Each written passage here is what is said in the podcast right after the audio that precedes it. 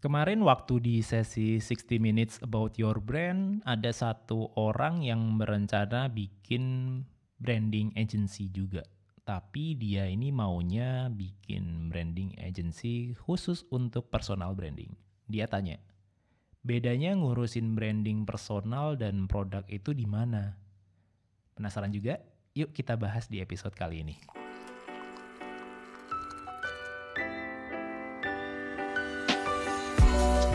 Hai, selamat datang di Berondang Branding.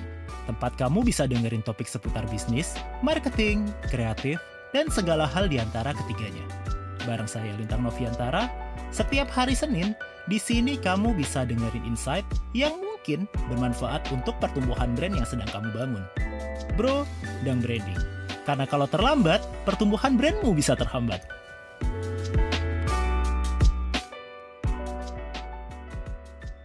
Pertama-tama, kalau ngomongin tentang branding, ada baiknya kita samakan persepsi kita dulu.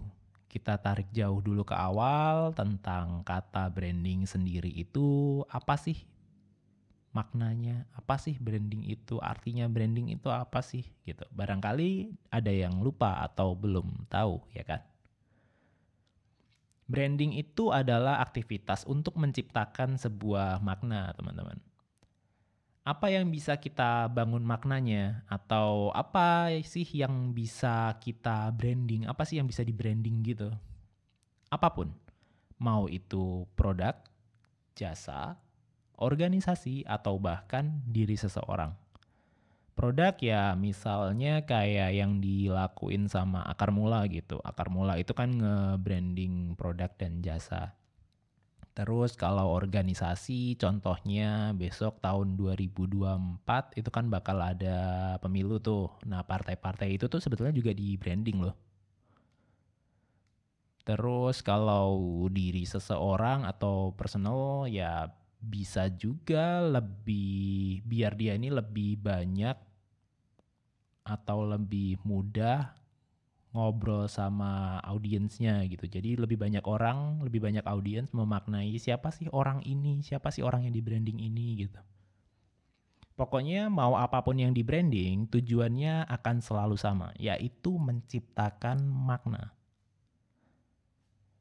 So, karena udah tahu tujuannya branding itu adalah menciptakan makna, berarti kan kalau kita udah tahu tujuan, kita tinggal cari tahu ya gimana cara mencapai tujuan tersebut, ya kan? Nah ini nih, mau itu untuk branding, produk, jasa. Jadi mau mau itu untuk branding produk, jasa, organisasi atau personal itu tuh berangkatnya selalu sama dari tiga komponen ini dulu nih. Yang pertama, siapa yang kita ajak bicara itu harus tahu dulu. Makna ini mau dikomunikasikan ke siapa gitu. Terus yang kedua, siapa orang yang melakukan hal sama dengan kita. Jadi maksudnya selain kita tuh ada siapa aja nih yang pemain di luar sana juga melakukan pembuatan makna yang mirip dengan kita. Yang ngobrolnya sama kayak orang yang mau yang mau kita ajak ngobrol gitu. Terus yang ketiga, apa yang bikin kita beda dengan orang lain? Tapi tetap disukai sama yang kita ajak bicara. Maksudnya apa nih dari tiga ini? Yang pertama tadi kan siapa yang kita ajak bicara, siapa yang kita ajak bicara, terus sebenarnya kan audiensnya kita ya, target marketnya kita ya, itu kan siapa yang kita ajak bicara. Yang kedua, siapa orang lain atau produk lain yang melakukan hal sama dengan kita. Selain kita ada siapa aja tuh kompetitor-kompetitornya tuh di luar sana yang melakukan hal sama. Terus yang ketiga, apa yang bikin kita beda? Apa yang bikin kita beda itu sebetulnya kita ngomongin diferensiasi kan. Setelah tahu tiga komponen ini, baru deh kita bungkus pakai visual dan verbal yang bisa mendukung apa yang mau kita ciptakan maknanya tadi. Tentuin juga channel-channel distribusi pesan yang kita mau biar lebih cepat nyambung sama audiens yang kita harapkan. Dah, kerangkanya bakal selalu gitu lagi, gitu lagi, gitu lagi. Nggak peduli tuh mau branding produk, organisasi, personal, jasa gitu. Itu nggak akan pernah beda. Pasti yang dicari yang pertama ini maknanya mau dibangun ke siapa.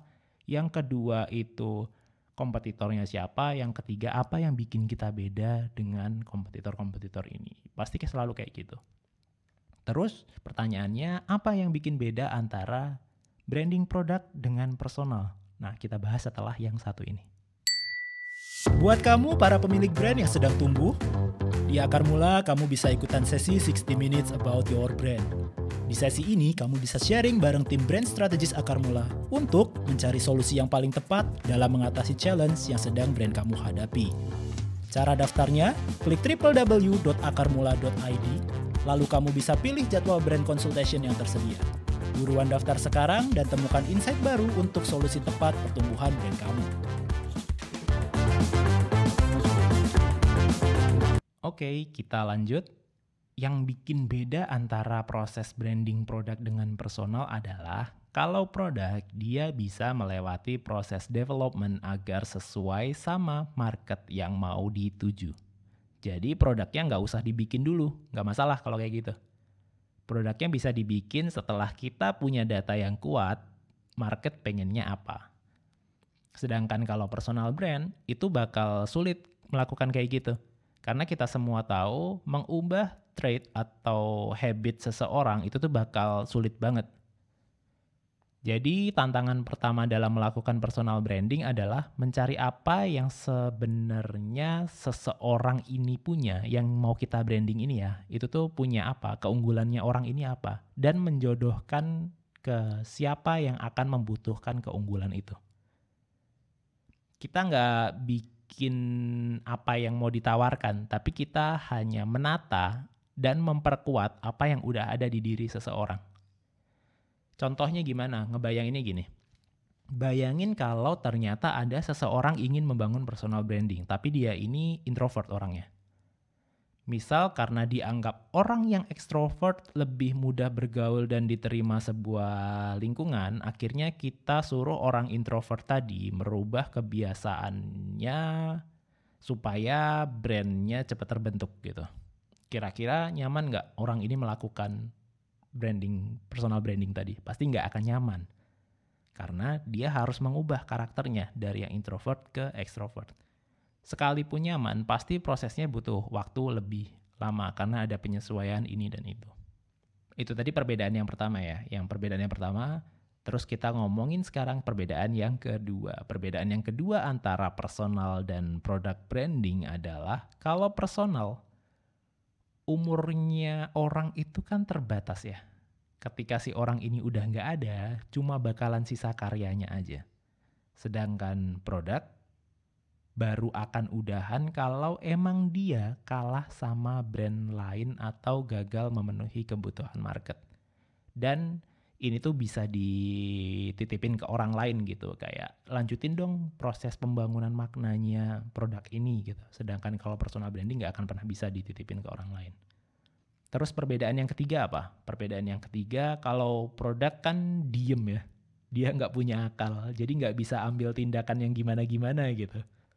Sedangkan personal branding, makna yang dibangun akan dilekatkan ke objek yang berakal, yang punya akal. Bayangin pasti bakal challenging banget kan, kayak dimintain tolong gini, malah dia nanti ngelakuinnya gitu gitu. Ya itu challenging banget pasti. Oke, kita sampai di akhir episode. Apa nih yang bisa kita ambil kesimpulan dari episode kali ini? Pertama, branding itu tuh aktivitas membangun makna, bisa untuk produk, jasa, organisasi, dan personal. Yang kedua, karena kita mau membangun makna, kita harus tahu tiga hal dulu. Siapa yang kita ajak ngobrol, terus kompetitor kita siapa, terus gimana cara kita menjadi beda dari kompetitor ini. Terus kesimpulan yang ketiga adalah setiap brand yang dibangun itu unik. Pasti punya challenge-nya sendiri-sendiri. Sebagai yang ngebangun brand, perlu lebih siap untuk menangkap peluang-peluang dalam proses per atau perjalanan membangun makna ini. Cara menangkapnya gimana? Caranya adalah lebih sering lagi dengerin kebutuhan audiens kita.